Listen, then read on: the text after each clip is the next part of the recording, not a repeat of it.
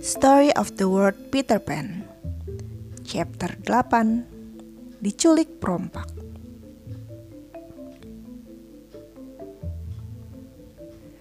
Setelah Peter menyelamatkan Tiger Lily, anak perempuan Indian, Peter dan para Indian menjadi teman baik.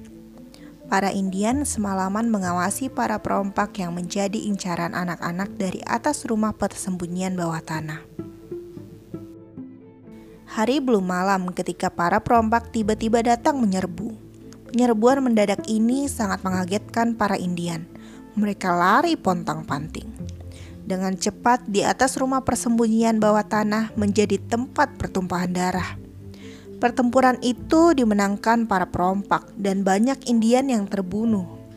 Sebenarnya, yang diincar Hook bukan Indian, melainkan Peter dan anak-anak. Hook tidak bisa menahan kekesalan terhadap Peter karena telah memotong tangan kanannya. Hai anak nakal, aku akan melakukan pembalasan. Setelah menyerang para Indian, para perompak tidak mengganggu lagi.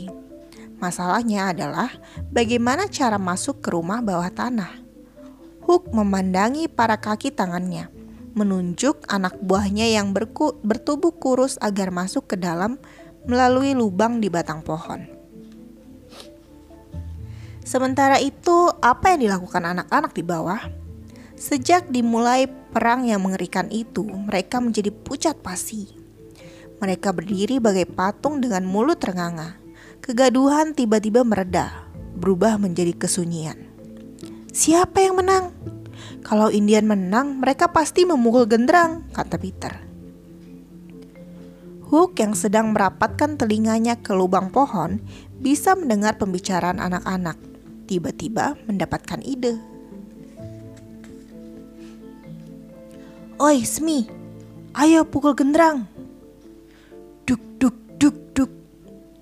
Mendengar bunyi genderang, Peter berteriak gembira. Genderang, Indian menang. Anak-anak berteriak, hore, hore.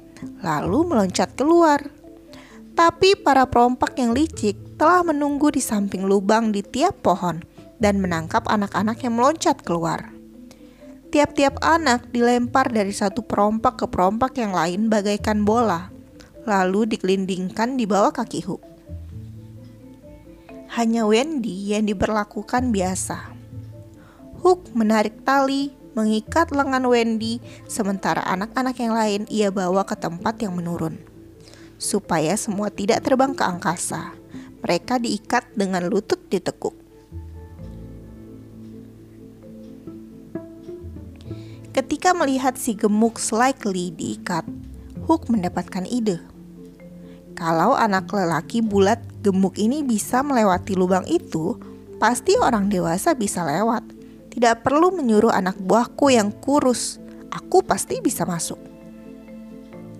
Selikely terlalu banyak minum sehingga badannya gendut. Untuk menguruskannya lagi susah, makanya pintu masuk sedikit demi sedikit diperluas. Hook senang sekali saat mendengar mereka akhirnya bisa menembak Peter. Hook berpesan pada anak buahnya agar mereka kembali ke kapal lebih dulu untuk membawa anak-anak itu. Ia akan tinggal di sini, ingin menghajar Peter. Bagaimana caranya mengangkat anak-anak ke atas perahu lagi-lagi pikiran Hook bekerja. Gunakan rumah kecil itu. Anak-anak itu didorong masuk berdasarkan ke rumah kecil Wendy. Empat orang perompak berhasil mengangkat rumah sambil menyanyikan lagu perompak yang mengerikan. Cerobong asap rumah kecil itu mengeluarkan asap hitam seolah-olah para perompak sedang marah. Di kegelapan malam, Hook yang tinggal seorang diri diam-diam mendekati lubang Slightly. Hook meyakinkan dirinya bisa melewati lubang itu. Apakah Peter sedang tidur di dalam? Apa Peter sudah tahu kedatangannya dan menunggu dengan pisau di tangan? Yang pasti, Hook harus turun ke bawah. Tidak ada jalan lain. Hook membulatkan hati, menanggalkan mantelnya, lalu masuk ke lubang pohon. Semula gelap tidak kelihatan apa-apa. Ketika matanya mulai terbiasa, ia mengerti keadaan rumah bawah tanah itu. Tapi Tujuan Hook cuma Peter. Ia pun menemukannya. Peter sedang tidur nyenyak di ranjang besar.